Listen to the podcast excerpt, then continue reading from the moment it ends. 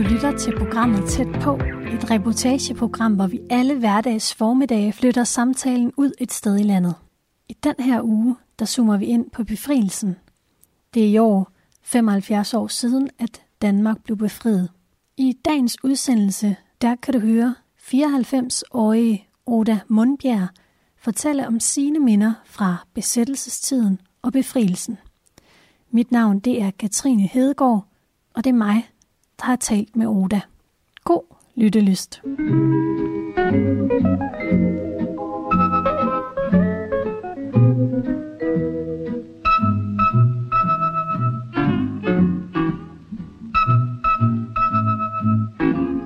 Jeg hedder Oda Mundbjerg og er 94 år, og jeg bor i Grænsted af Jylland. Hvor længe har du boet der, Oda? Her, hvor jeg bor nu, har jeg boet siden 64. 1964. Og Oda, jeg ringer jo til dig, fordi at øh, du kan huske befrielsen. Ja, det kan jeg. Hvor gammel var du der? I, altså den 5. maj 1945? Ja. Jeg var 14 år, ja. Nej, undskyld. Ja, jeg var, det var, da krigen kom, der var jeg 14 år. Men ved befrielsen, der var jeg 19. Hvordan husker du øh, den 4. 5. maj 1945? Hvad har du af minder derfra? Ja, altså, jeg, jeg husker det jo på den måde, at vi om aftenen hørte over radioen, at, uh, at Tyskland havde kapituleret, og at uh, og vi så var klar over, at Danmark var fri.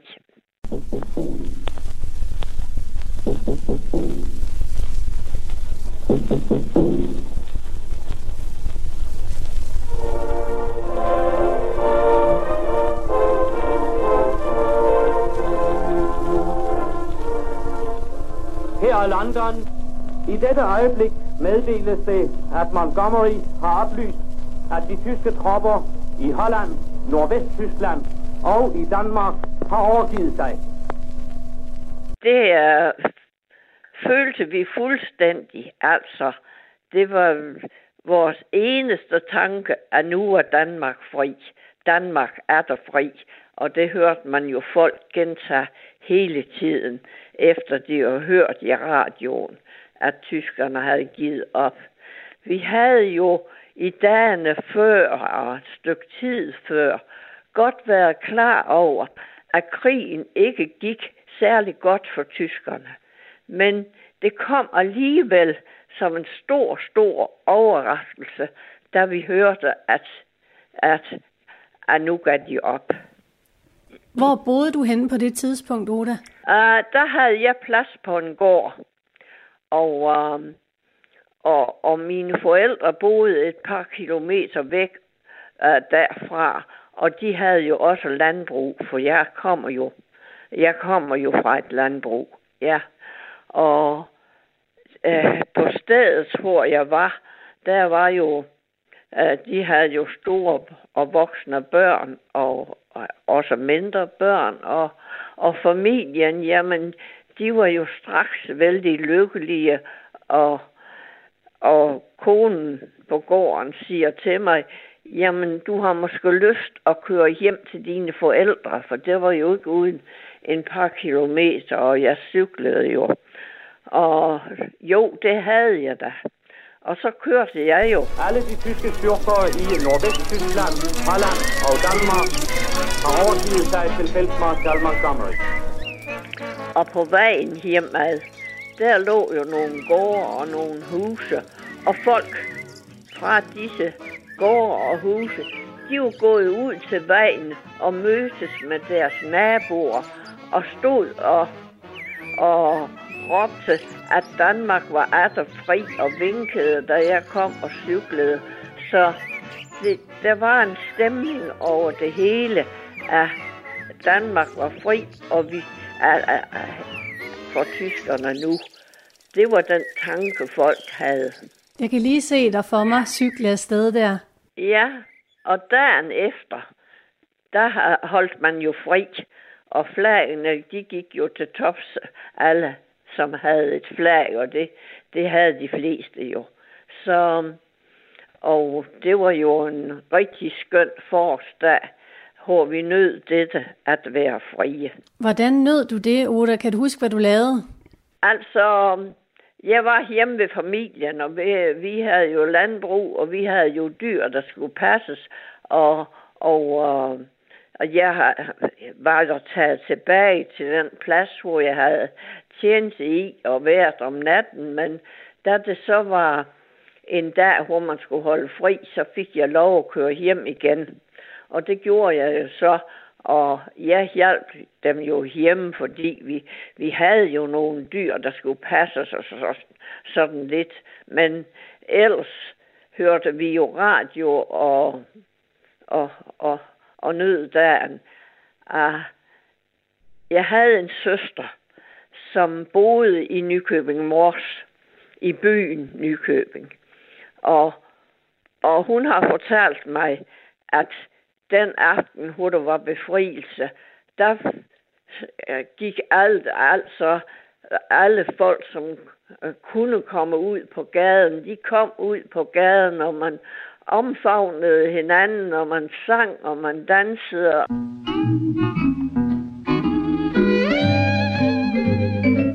I løbet af aftenen, hvor det sådan var ved at, og blev mere mørkt og koldt, så gik man sådan i grupper ind hos hinanden, og man fandt frem, hvad man havde sådan, og kunne skåle og lave kaffe, og man var i alt for god en stemning til, at man kunne tænke sig at tage at gå i seng ved samme tid, som man plejer.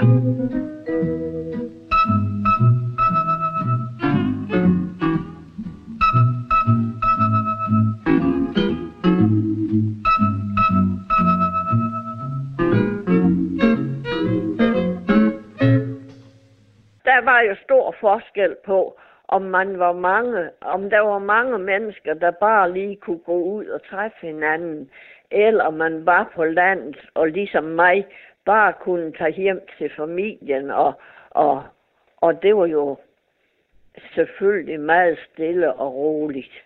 Altså, jeg tror, det skal opleves, hvordan følelsen var, da man var besat.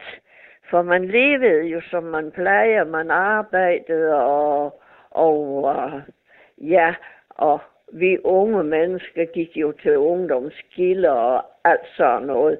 Vi levede jo sådan set livet. Men inderst inde, der havde vi noget, som jeg vil sige, som er en stor bekymring eller sorg over det, at, at vi var besat. Og da så befrielsen kom, så den følelse, man så havde af, at nu var det overstået, det er sådan noget, jeg tror, der skal opleves. Det er vist svært at forklare.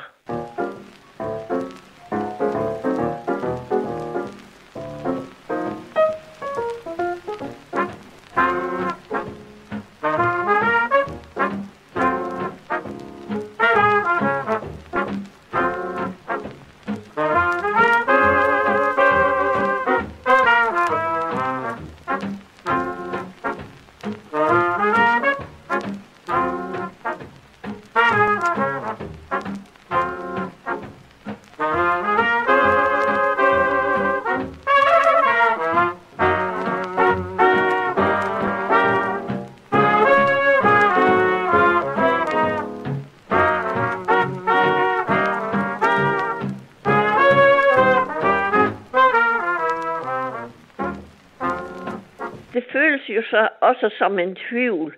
Altså, selvfølgelig havde vi håbet om, og altid håbet om, at den der kommer, hvor vi bliver frie igen. Men, men øh, det var jo noget, der var uvist. Vi vidste jo ikke, hvordan tingene ville øh, udarte sig. Vi vidste jo heller ikke, hvordan krigen ville slutte. De første par år uh, under besættelsen, der kunne det godt se ud, som om tyskerne ville vinde, Og så tror jeg nok, at man inderst inde var lidt usikker på, om vi kunne få lov at blive frie igen. Så kom vi jo længere ind i besættelsesårene, og modstanden i Danmark blev jo egentlig større, og krigen kom til at gå øh, øh, lidt anderledes. Sidst i krigen, der øh, gik det jo tilbage for tyskerne, og så var det ligesom, at vi fik følelsen af, jamen, det her, det var nok ikke bare ved, og vi havde et stort håb om at blive frie igen. Og det lettede, det lettede jo lidt på det, når du spørger om følelsen. Det lettede jo lidt på den følelse af, at det var noget, der ville være ved altid. Du, du fortæller samtidig, at, at I egentlig fortsatte jeres liv, som I plejede under besættelsen. Ja. Med, med ungdomsgilder. Kan du fortælle lidt om, hvordan sådan et ungdomsgilde det foregik? Og det foregik jo om vinteren. Så havde vi jo sådan nogle gætteleje og et eller andet, når vi var ankommet og kom ind og sidde. Og der var jo blevet varmet op. Det var jo sådan på landet, hvor jeg øh, mest var. Der var det jo sådan, at øh, man havde et par stuer, og der var øh, den ene øh, pæne stue, som vi kaldte den, den blev jo kun varmet op, når der var gæster. Og der blev jo varmet op over det hele, og så sad vi jo der og havde forskellige gættelager og, og sådan noget. Der var jo noget med, at der var nogle kategorier, vi skulle sige, at de der spørgsmål, der ville komme fra kategori, de hørte til og sådan noget.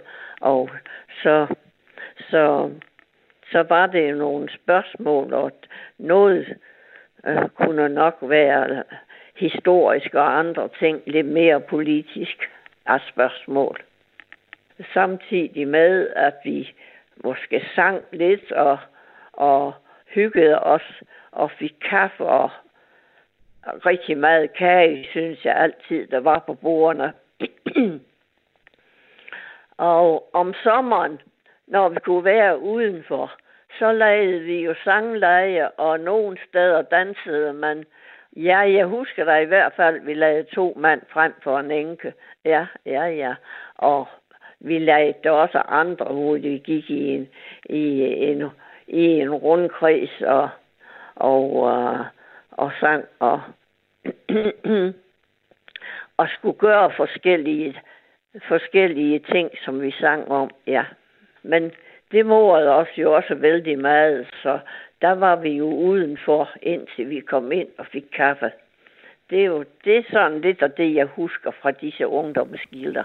Og, og når du siger der om vinteren, når I sad indenfor, så, fortæller du, at I godt kunne synge nogle sange. Hvad for nogle sange sang I der? Ja, altså, i nogle krise, der sang man mest sådan åndelige sange, og der er jeg også kommet. Og så var der jo andre, øh, andre øh, gange, hvor man sang fædrelandssange, altså, øh, og der var lidt forskel på sommer og vinter.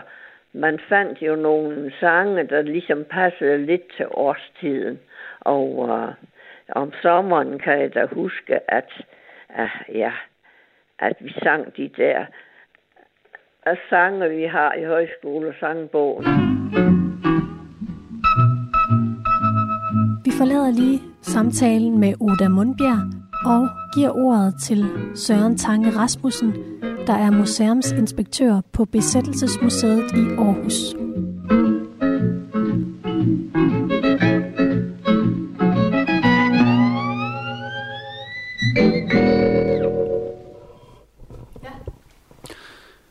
Når, når man besøger Besættelsesmuseet, så det første, der, der sker, når man har købt sin billet, det er, at man får et tilbud om, tilbud om at, og, øh, følge en, en, en af vores øh, 20 personer, vi har lavet hernede.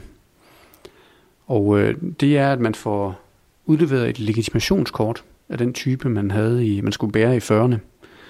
Rundt omkring i vores udstilling, der er der nogle, nogle øh, stationer, tror jeg, vi kalder dem, hvor man kan øh, lægge det her kort og så får man, øh, får man den persons fortælling om, øh, om lige præcis det her sted i museet.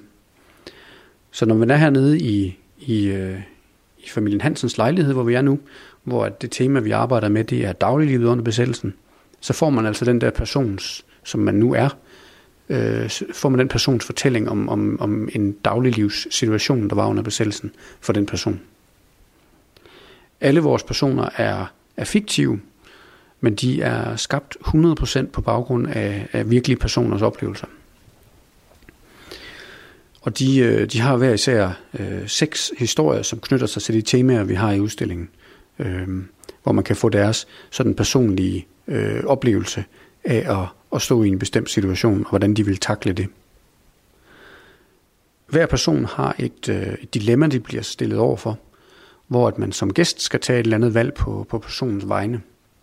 Og når man så har taget det der valg, så, øh, så får man at vide, hvad, hvad en virkelig person i Aarhus gjorde, hvis han eller hun stod i den her situation.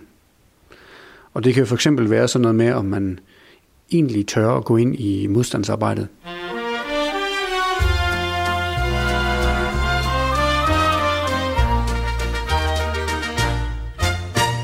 Altså, det var en dejlig, befriende følelse, dengang vi hørte, at tyskerne havde givet op. Og, men så blev det så, havde vi jo denne fridag, hvor vi også sådan nød det at være blevet frie. Men så blev du hver dag igen. Og jeg ved ikke, om jeg skal komme ind på det der med, hvordan det så var for de der mennesker, som havde haft lidt omgang med tyskere. Men øh,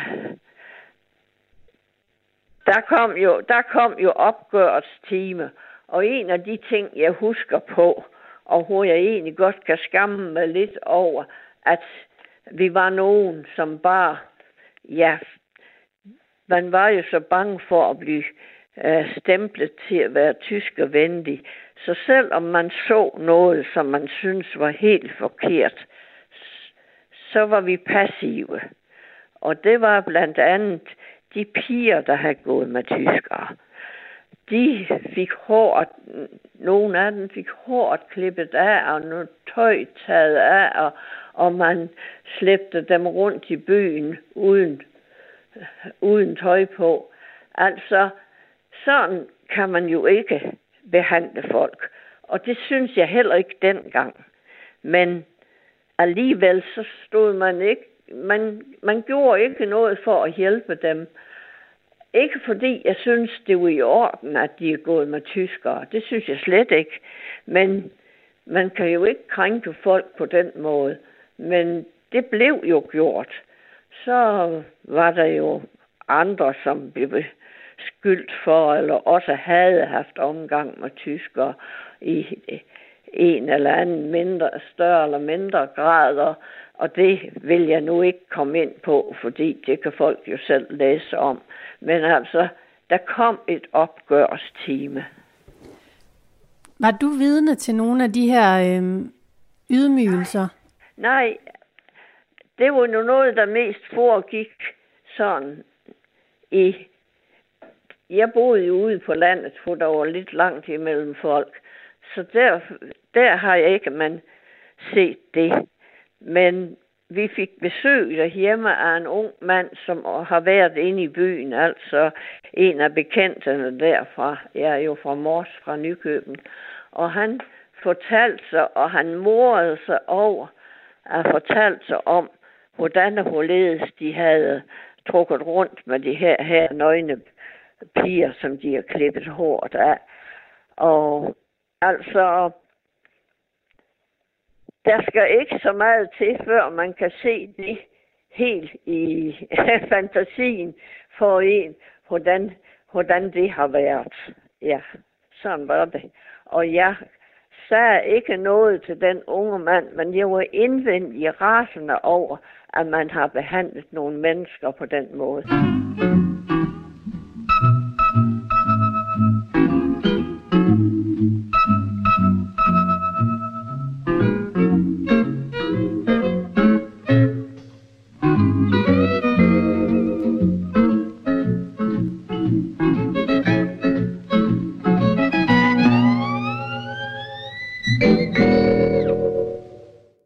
Men det kan også være, at man har en person, som er en på den anden side, altså en kollaboratør, som, øh, som øh, skal, bliver stillet over for et dilemma, hvorvidt han eller hun skal, skal blive, øh, blive en, der arbejder for tyskerne.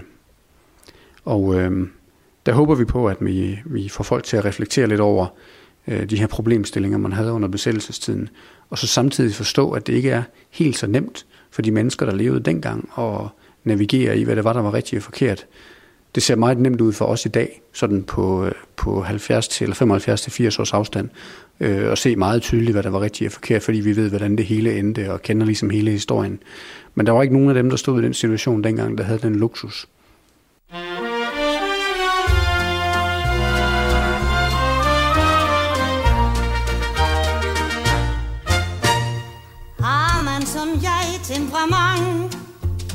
Nærmest i smag med det spanske. Glemmer man gang efter gang At vi bør være så danske. Tag det sagt modigt og blidt. Om vores ølkasse vælter. Jeg synes nu tit Det går for vidt. Undskyld, jeg nyser lidt rødt. Jeg kunne blive noget som en to, tre, og så ikke et ord, men de ser vel fedusen. For man ved, hvad der nemt kunne ske, hvis man pludselig gik hen og fik åbne for slusen. Jeg må tage lidt forsigtigt på, kan de ikke forstå. Ærligt talt, de kan ikke få ren besked. De må tænke dem til.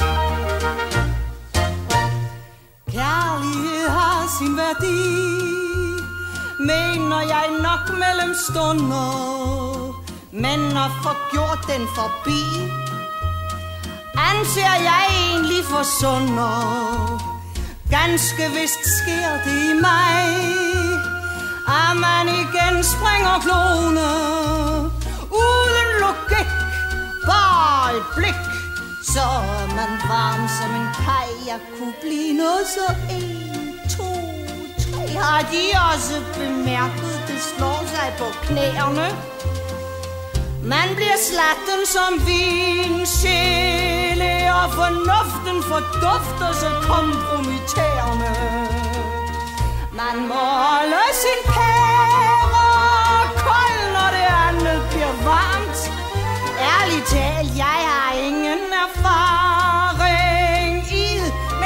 men tænker mig til.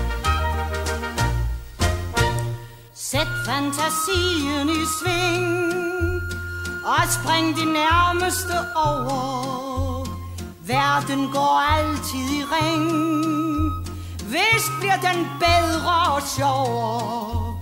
Glæd dig så langt det gik godt. Se ikke sort på al fremtid. Ufred og splid har kun sin tid.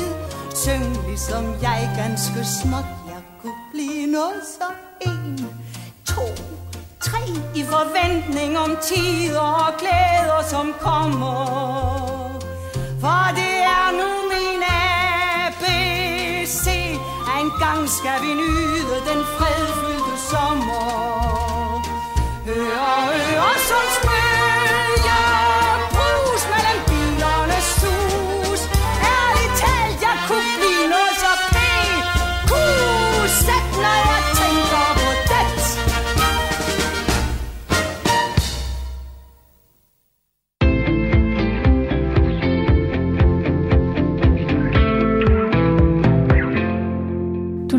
programmet Tæt på, et reportageprogram, hvor vi alle hverdags formiddage flytter samtalen ud et sted i landet. I den her uge, der sætter vi fokus på befrielsen. Det er i år nemlig 75 år siden, at Danmark blev befriet i 1945. Har du lyttet med de seneste 25 minutter, så har du kunnet høre Oda Mundbjerg fortælle om sine minder fra besættelsen og befrielsen, hvor hun boede på landet – i nærheden af Nykøbing Mors.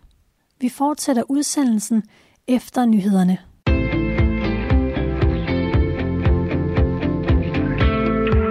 Du lytter til programmet Tæt på, et reportageprogram på Radio 4 I den her uge, der øh, sætter vi fokus på befrielsen. Det er nemlig i år 75 år siden, at Danmark blev befriet i 1945. I dagens udsendelse, der kan du høre Oda Mundbjerg fortælle om sine minder fra besættelsen og befrielsen i 1945. Vi skal også en tur ind på Besættelsesmuseet i Aarhus, hvor museumsinspektør Søren Tange Rasmussen deler ud af sin viden om tiden. Mit navn er Katrine Hedegaard, og det er mig, der har tilrettelagt den her udsendelse. God lyttelyst. lyst.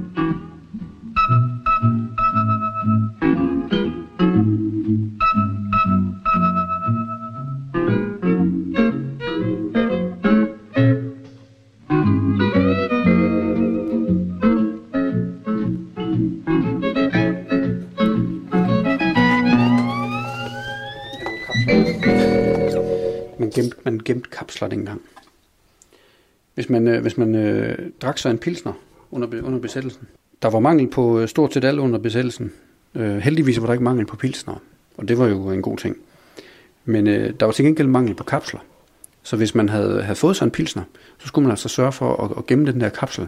Og når man så skulle ned til, til købmanden eller høgeren og købe sådan nogle nye pilsner, så kunne man få lov, først få lov til at købe den, når man havde vist, at man havde en, en samling kapsler i lommen, man kunne aflevere dernede. Hvad er det, du åbner der? Jamen, jeg, jeg står her og åbner sådan en, øh, en klassisk øh, cigarkasse. Og øh, nede i cigarkassen, der har husmoren gemt på alle sine øh, rationeringsmærker. Vi har også lidt af, af husholdningsbudgettet, der ligger hernede. Og sådan nogle rationeringsmærker, det var noget, som man, man lavede her i Danmark for at sikre en ligelig øh, varefordeling blandt, øh, blandt borgerne. Og øh, i løbet af besættelsesårene, så, så endte det med, at, at stort set alt var rationeret. Altså alt fra øh, smør til sæbe til sukker øh, og brød og alt muligt øh, skulle man have rationeringsmærker. Nogle gange så folk de tror, at rationeringsmærker var en slags penge, men det var de egentlig ikke. Altså man skulle stadigvæk betale for varerne, øh, når man afleverede et, et rationeringsmærke. Det som mærket gjorde, det var, at man overhovedet fik lov til at købe det, man nu skulle have.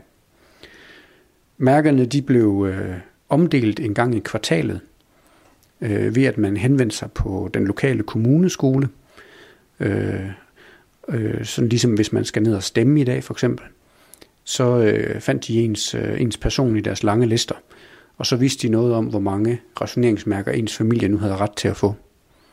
Det var nemlig sådan, hvis ens øh, husbund var, øh, var en, der arbejdede med noget øh, meget hårdt eller beskidt arbejde, så havde man en højere rationering af, af for eksempel sæbe, end så mange andre havde.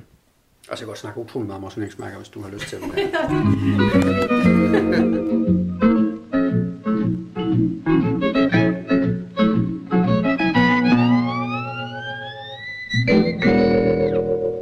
Altså, når man blev konfirmeret, så begyndte man at blive inviteret med til disse ungdomsgilder. Og så, øh, ja, og så var det jo mest indtil man var 20 eller over 20. Dengang i min ungdom, der blev folk jo gift i en ung alder. Rigtig mange blev gift, når de var en 20-21 øh, år, fordi der er jo så stor forskel på ungdommens liv i dag og ungdommens liv dengang. Dengang, hvor man ikke havde øh, p-piller eller andre ting, så, øh, så folk så sådan var forlovet og kom sammen, og der var egentlig ikke var noget, man kunne sige, at man øh, helt kunne beskytte sig imod at, at få børn, fordi at få et barn uden for ægteskab dengang, det kunne jo være en stor skandale, men altså var man forlovet og kunne blive gift med faren til barnet, så, så var det jo ikke så slemt endda. Men det var jo, kunne jo være svært pludselig at skulle giftes, uden at det egentlig var planlagt. Så, så øh, mange gange, når folk de har været forlovet og været forlovet et langt stykke tid, jamen, så fandt de ud af, at en eller anden måde at stifte et hjem på og gifte sig. Så man var meget yngre, når man blev gift dengang, end i dag, hvor folk de meget tit venter til de er hen omkring 30, eller ja, i hvert fald sidst i 20'erne. Det var egentlig meget anderledes at være, at, at, at være ung i, øh, ja, i 40'erne. Ja. Jeg, jeg tænkte på, Oda, når man, øh, når man er 94, har man så stad, går du så stadigvæk og drømmer om noget? Ah, altså, jeg har jo egentlig altid haft det lidt med, at jeg synes, jeg skulle se fremad. Og, og, men det har ændret sig. Altså, efter, ja, jeg ved ikke, om det har med det der sygdom, jeg havde sidste år at gøre, men i hvert fald, så er det sådan, at man lever lidt i minderne og lidt i fortiden mere og mere efterhånden. Altså det med at have planer og, og se fremad,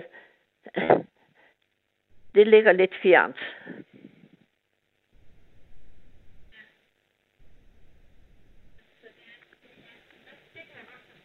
Ja. ja, jeg tror det.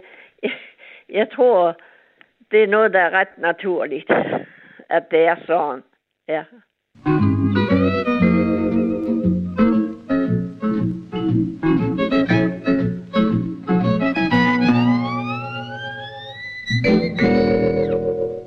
Hvor lå den gård, altså du siger ved Nykøbing Mors, hvor lå den mere præcis, der hvor du arbejdede? Gården, jeg arbejdede på, ja, der i 1944, der havde mine forældre solgt det landbrug, vi havde på Mors, og flyttet ned på Skiveegnen øh, i en lille landsby, der hed Trevad, som ligger mellem øh, fly og Vristed. Og jeg havde så taget plads på en gård, ikke langt fra mine forældre, som lå i Vristed en stykke syd for Skive. Og det var en gård, hvor der var tre, tre karle, der arbejdede i marken, og en gang imellem hjalp jeg jo også i marken. Ja, det gjorde jeg nu tit. Og uh, ellers var det jo huset og haven, hvor jeg havde min arbejdsplads. Hvad bestod dine opgaver helt konkret af? Hvad skulle du gøre? Jamen, jeg skulle jo gøre, jeg skulle jo gøre ren i huset og skrælle kartofler og grøntsager og rabarber skulle ordnes, og der, der og hjælpe til med middagsmaden. Og så kom Karlen jo ind og spise, og så fik de jo en lille pause, men altså, uh, vi skulle jo have ryddet op og vasket op, så der var ikke meget pause om middagen. Så det var en meget lang arbejdsdag, og vi piger havde, og vi havde fri hver anden søndag, men det var fra, når jeg havde fået opvasken til side efter middagen om søndagen, så kunne man få lov at køre hjem og have fri resten af dagen hver anden søndag. Hvad brugte du så sådan en fridag på? Uh, jamen, jeg kørte hjem til mine forældre, ja. Det var mest det, jeg gjorde, og man havde jo brug for at sidde og hvile og slappe lidt af. Så Jamen, det kunne jo også hende sig, at man var inviteret sammen med nogle andre unge til et eller andet uh, arrangement, men de fleste søndage kørte jeg hjem. For at slappe af? Ja. Og ja, i mit hjem, vi var jo otte børn, så der var jo tit andre af mine søskende, der også havde fri, som var hjemme, og, uh, og så havde vi jo det hyggeligt sammen. Og jeg havde jo også mine forældre, og min mor var meget uh, interesseret i litteratur og læste meget, så, så der, var mange, der var mange ting, vi havde at snakke om. Vi forlader lige samtalen med Oda Mundbjerg og giver ordet til Søren Tange Rasmussen, der er museumsinspektør på Besættelsesmuseet i Aarhus.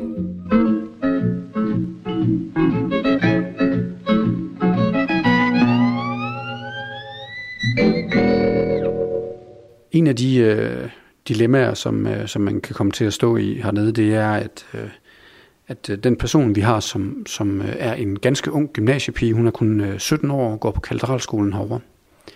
Hun vil på et tidspunkt blive stillet over for en beslutning, der, der går ud på, at hun, om hun skal hjælpe en, en jødisk familie med at skjule sig, indtil de kan komme, til, komme sikkert til Sverige. Øh, og det er et, et, et dilemma, der, der bygger på en fuldstændig autentisk historie, hvor at øh, den her unge pige, hun vælger så i, i virkeligheden at hjælpe den her familie og slipper også godt fra det. Men, øh, men det er det noget af det, som, som man skal, som gæst skal tage stilling til og se, om man, man tør at hjælpe folk, eller tør at tage en chance, eller noget af den stil der. Ja, det kunne være gået helt galt for hende, det må man jo bare konkludere. Så det var en, et eksempel på en, som, som øh, besluttede sig for at hjælpe nogle mennesker, og så også slap godt, godt fra det.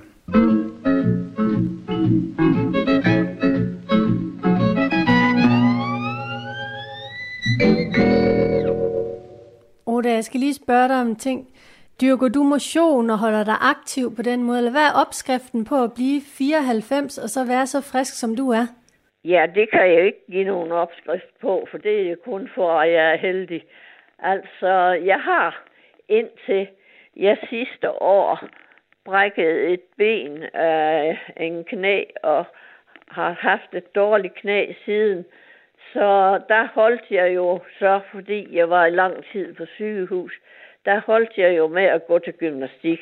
Ellers gik jeg til gymnastik en gang om ugen, eller noget motion, ja. Uh, og ja, så selvfølgelig så prøver jeg på at, at leve sundt og følge med i, hvad, uh, hvad vi har godt af at få og sådan noget. Men det er jo bare hvad de fleste gør, så det er ikke sådan, at jeg har nogen opskrift på, hvorfor jeg bliver 94. Det har måske noget med gener at gøre for min mors forældre. Min mor, hun døde, da hun var 81.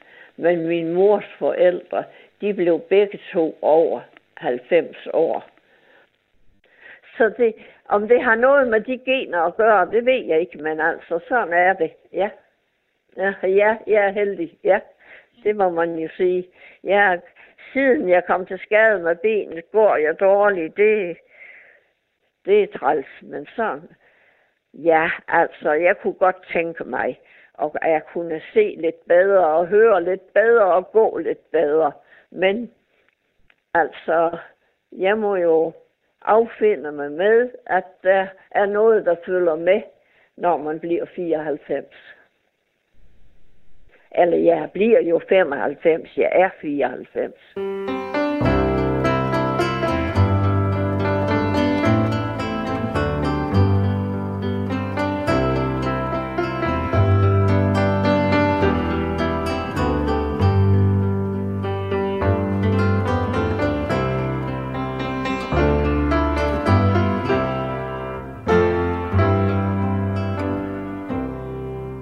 Lige her, hvor jeg, hvor jeg står nu, der fortæller vi om, om befrielsen. Og øh, der er en, en film, som, øh, som viser levende billeder fra befrielsesdagen, og der er en speak, der fortæller om, hvad det var, der egentlig øh, skete de der dage der. Men ved siden af der er der også en montre, hvor vi øh, udstiller en hel masse af de der ting, som er, er, er vigtige for befrielsesdagene. Og øh, vi viser selvfølgelig øh, de her frihedskæmperarmbind, som, øh, som man havde på øh, i den der periode. Her i Aarhus, der havde vi et øh, specielt eller et særligt armbind, der adskilte sig fra det, man ellers brugte til mange andre steder. Øhm, og det var ikke bare fordi, vi havde lyst til at være lidt specielle her i Aarhus. Det var fordi, at der gik et, et sejlivet rygte om, at, at øh, uh, Hippokorpset, som var sådan et nazistisk uh, politikorps, at de havde fået fat i en stor sending af de rigtige frihedskæmperarmbind. Og så derfor så besluttede man sig for i lige op til befrielsen at lave et særligt Aarhus-armbind, sådan at man kunne være 100% sikker på, at øh, alle dem, der havde Aarhus armbindet på, som man døbte, at de i hvert fald var på det rigtige hold. Hvordan ser det ud? Det er det her nede, som er, er rødt og hvidt, og så er der sådan et skjold på, sådan et sinkskjold, hvor at, øh, at det er det danske, en del af det danske rigsvåben, der er på. En lidt sjov historie, det var, at det blev lavet nede på Aarhus Belysningsvæsen, som øh, var et øh, fancy navn for, for gasværket. Og øh, øh, armbindet er lavet af læder, som skulle have været egentlig sådan nogle pakninger, der skulle have siddet i gasmålerne dengang. Men øh, de kunne ikke bruges af en eller anden grund, og derfor så øh, øh, sørgede man for at, at, at, at stjæle dem ned fra belysningsvæggene, og så simpelthen lave, lave dem til, til frihedskæmper armbind. Og det der zinkskjold, der sidder på, det skulle være lavet af, af, øh, ja, af, af zink, som skulle ellers skulle have været brugt til at lave øh, tagrender af, som man også stjal fra kommunen. Her i Monstren, der har vi også en, en, øh, en lille fin øh, rød- og hvidternet kjole i sådan nogle, jeg tror nok man kalder dem køkkentern. Og det er en, øh, en kjole, som simpelthen er blevet fremstillet til en, øh, en lille pige her i Aarhus til at fejre øh, den dag, at Danmark bliver frit. Så der har simpelthen siddet en, øh, en, øh, en mor i den her familie og forberedt sig på, at nu er krigen snart slut, og så har hun øh, forberedt, og øh, at, øh, at den dag, at, at det endelig er slut med tyskerne, så kan man øh, iklæde den lille datter en, en flot ny kjole med i Dannebrogsfarver. Så der er mange, der har forberedt sig grundigt på freden her i Aarhus.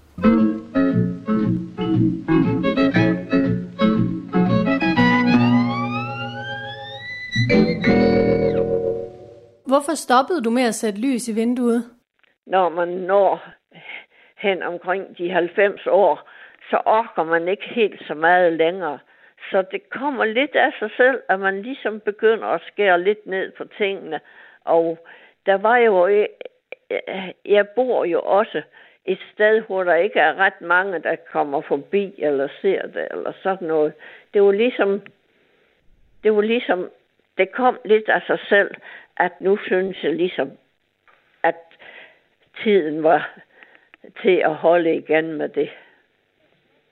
Jeg bor alene i, i mit hus, hvor jeg har uh, altså det er ikke det samme hus, som jeg flyttede ind i i, i 1964.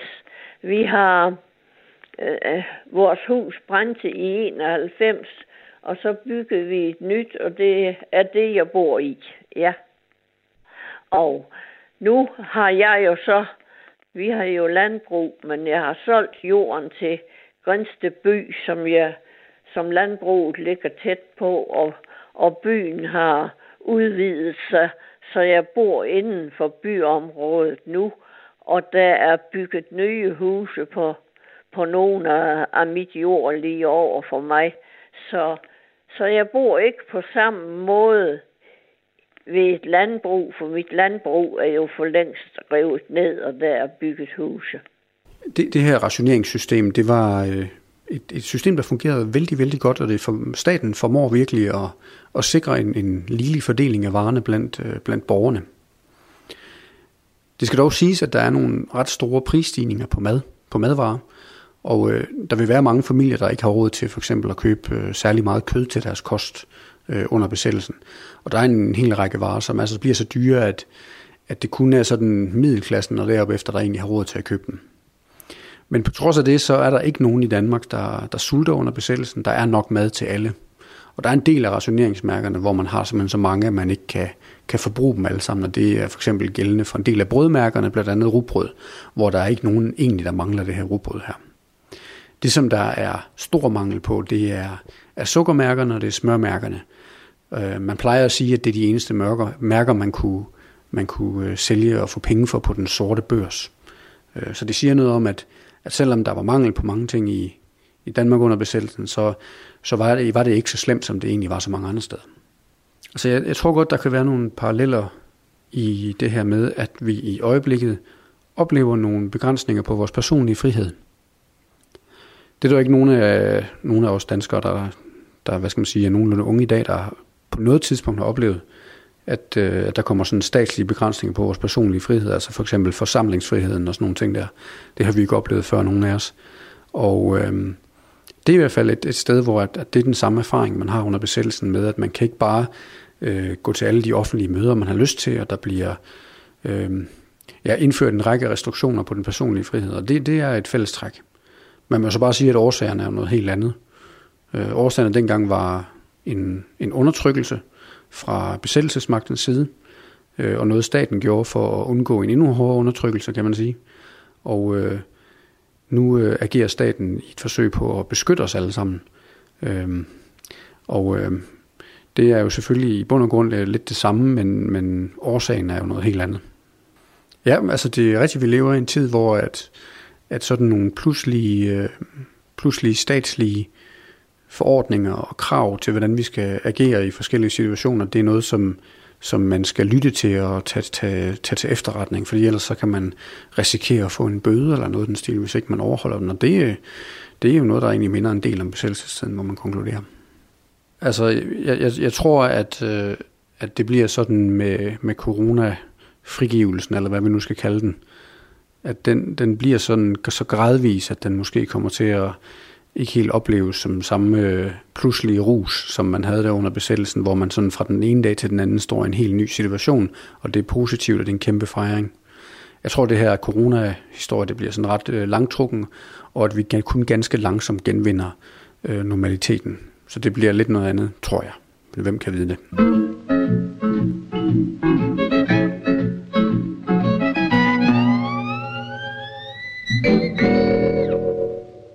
Altså, jeg tænker jo altid på befrielsen.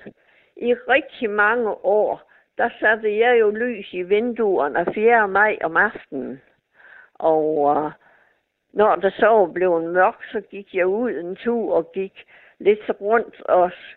der var også andre, der havde lys i vinduerne, og det var noget, jeg blev ved med indtil for få år siden, at have lys i vinduerne 4. maj. Så, så det, det var ligesom rigtig skønt. Det var rigtig skønt at gøre et eller andet, som man kun gjorde 4. maj. Og det gjorde også ligesom, at man kom til at samle sig og tænke meget på den aften. Jeg har jo også nogle gange været med til et arrangement inde ved kirken. For her i Grønsted, der har vi jo nogle frihedskæmpere, som døde under krigen og ligger begravet, og der var jo øh, en højtidlighed, og hvor man lå kranse ned. Så altså 4. maj og 5. maj er datoer, der altid har betydet noget for mig, og har været med til, at jeg ligesom genoplevede den lykkefølelse, det var at have den tanke, at nu er vi frie.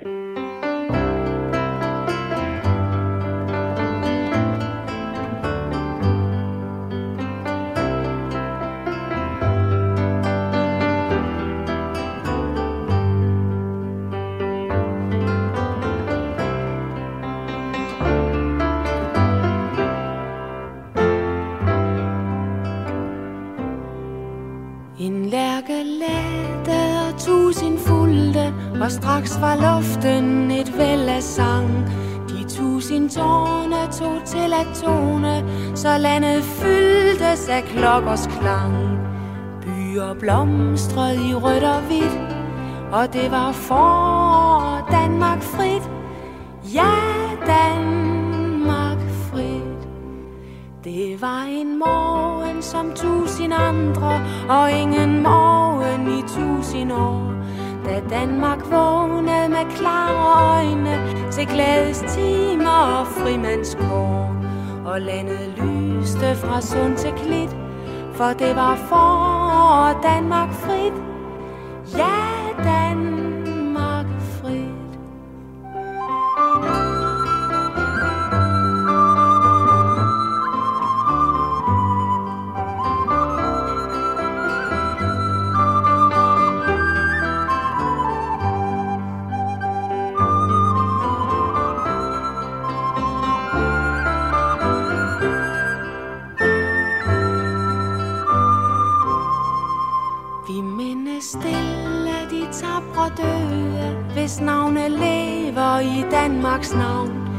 takken søger til dem, der sejne, og dem, der sidder med tunge savn. Udtrøste dem, der har lidt og strid, til det blev for Danmark frit. Ja, Danmark frit. Men du som styrter de stoltes riger, og løser fangene af bold og bånd, dig flyver hjerternes tak i møde. Hvor skæbne er i din stærke hånd. Nu er det for og Danmark frit. Velsignede herre fra sund til klit Fra sund til klit